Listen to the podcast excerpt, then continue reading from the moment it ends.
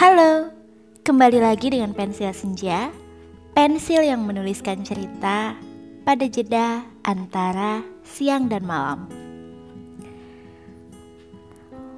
Well, hello students. Remember this.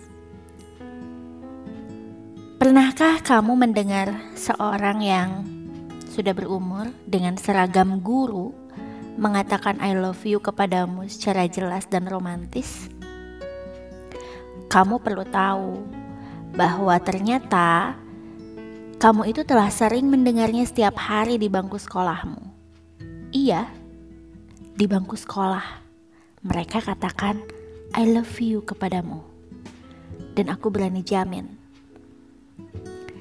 Gini, setelah aku kemarin ngeliat video TED Talknya Ibu Linda Clayet yang mengubah sebuah sekolah rusak dalam tanda kutip menjadi sekolah yang cukup diperhitungkan keberadaannya di Philadelphia, perlu kita pahami bahwa perubahan itu memang perlu diperjuangkan, apalagi pada sistem pendidikan.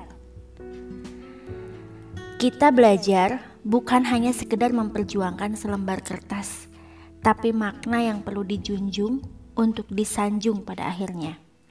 Itu mindset yang seharusnya.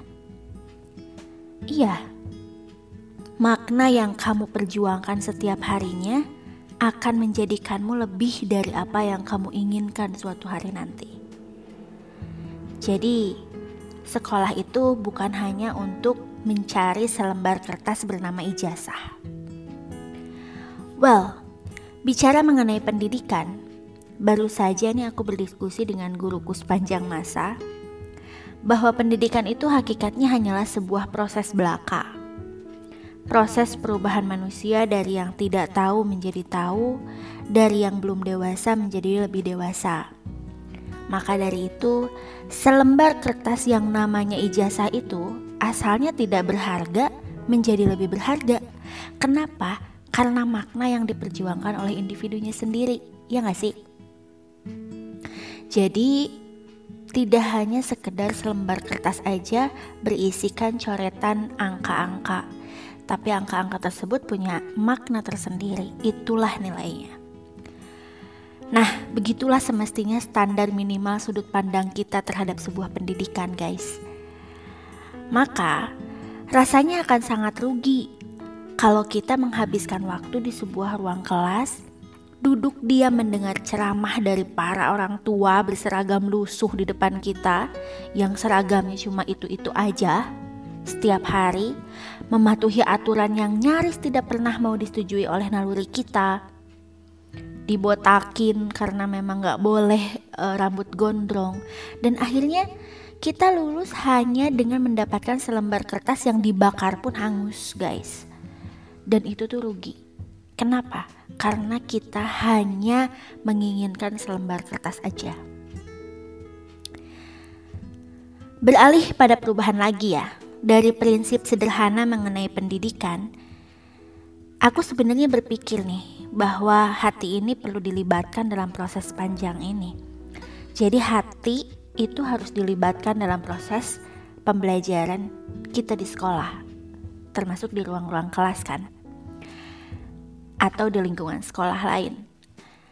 Nah ya, aku mengatakannya itu proses yang panjang. Kenapa? Karena aku pun baru saja menyadari bahwa ada ratusan orang yang telah berubah seiring berjalannya waktu tanpa mereka sadari. Tapi aku bisa ngelihat itu loh. Nah, dalam proses panjang ini, kemungkinan banyak individu yang merasa lelah, bosan, jenuh, dan vitaminnya adalah hati kalian sendiri. Hati individu itu sendiri, tidak ada yang lain. Tidak ada yang lain kukira yang bisa meningkatkan kembali semangatnya kecuali hatinya sendiri yang perlu dimotivasi. Kita hanya perlu memahami setiap makna yang terlintas pada setiap titik kehidupan kita. Siapa dan bagaimanapun ia memberikan makna, kita perlu berterima kasih kepadanya, termasuk anak kecil. Jika ia memberikan makna kepada kita terhadap uh, satu hal dalam kehidupan kita, maka ia bisa dikatakan guru. Dan guru yang setiap hari membisikkan kalimat cintanya melalui setiap ceramahnya. Pegawai tata usaha yang setiap hari membisikkan kalimat cintanya juga melalui pekerjaannya mengurusi administrasi kita. Kepala sekolah pun bahkan membisikkan cintanya melalui harapan dan kebijakannya dalam memelihara setiap peraturan. Hingga nih ya, Caraka atau orang yang suka bersih-bersih di sekolah pun membisikkan cintanya kepada kita melalui setiap ayunan sapunya membersihkan lingkungan biar kita nyaman belajar. Dan kita perlu memahami itu, guys, bahwa mereka menaruh banyak harap terhadap kita. Lalu, bagaimana dengan keluarga? Keluarga kita sendiri itu sudah jelas. Kenapa pula mereka menitipkan kita ke sekolah jika tidak menaruh harapan? Hah, tidak perlu lagi aku sebutkan di sini ya, nanti malah nangis lagi. Intinya adalah mereka nitipin kita ke sekolah, bayar SPP dan sebagainya, berjuang mati-matian buat ngasih kamu bekal, artinya mereka naruh harapan juga ke kamu. Ya gak sih? Well, kamu mungkin pernah ya uh, dengar ucapan ini di kelas Good morning, everybody. How are you today? How's your life? Well, before we continue our lesson, let me remind you that today we are going to study about bla bla bla bla atau Selamat pagi anak-anak. Bagaimana kabarnya? Itu adalah kata cinta dari mereka untuk kalian, guys.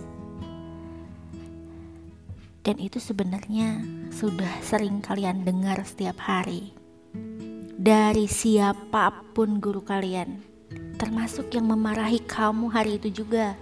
Ya gak sih? Mereka itu sebenarnya cinta sama kamu. Nah, sebenarnya aku tuh udah sadar tentang ini, sehingga nggak ada salahnya buat kita balas balik cinta kita ke mereka sorry balas balik cinta mereka ke kita. Dan balasan cinta itu tidak lain adalah dengan mewujudkan harapannya. Lalu apalagi alasan kita buat berleha-leha? Apalagi alasan kita buat bikin mereka marah dan kecewa terus menerus apalagi alasan kita buat bolos sekolah, dan yang lainnya. Itu cuma bikin kita rugi, guys. So, semoga dengan ini kalian bisa sadar bahwa ternyata guru kita atau bahkan pegawai sekolah di tempat kita, di sekolah kita, itu sangat mencintai kalian. Sama cintanya dengan orang tua kalian ke kita orang tua kalian ke kalian maksudnya. Atau mungkin ke aku juga jadi kita gitu ya. Ah, udahlah jadi ke mana-mana. Oke okay, so di podcast ini aku cuma mau bilang tolong ingat guys bahwa nyatanya kita ini menanggung banyak harapan dari semua orang. Jadi jangan lelah untuk selalu belajar dan berbuat baik Thank you for listening. See you on the next episode. Bye.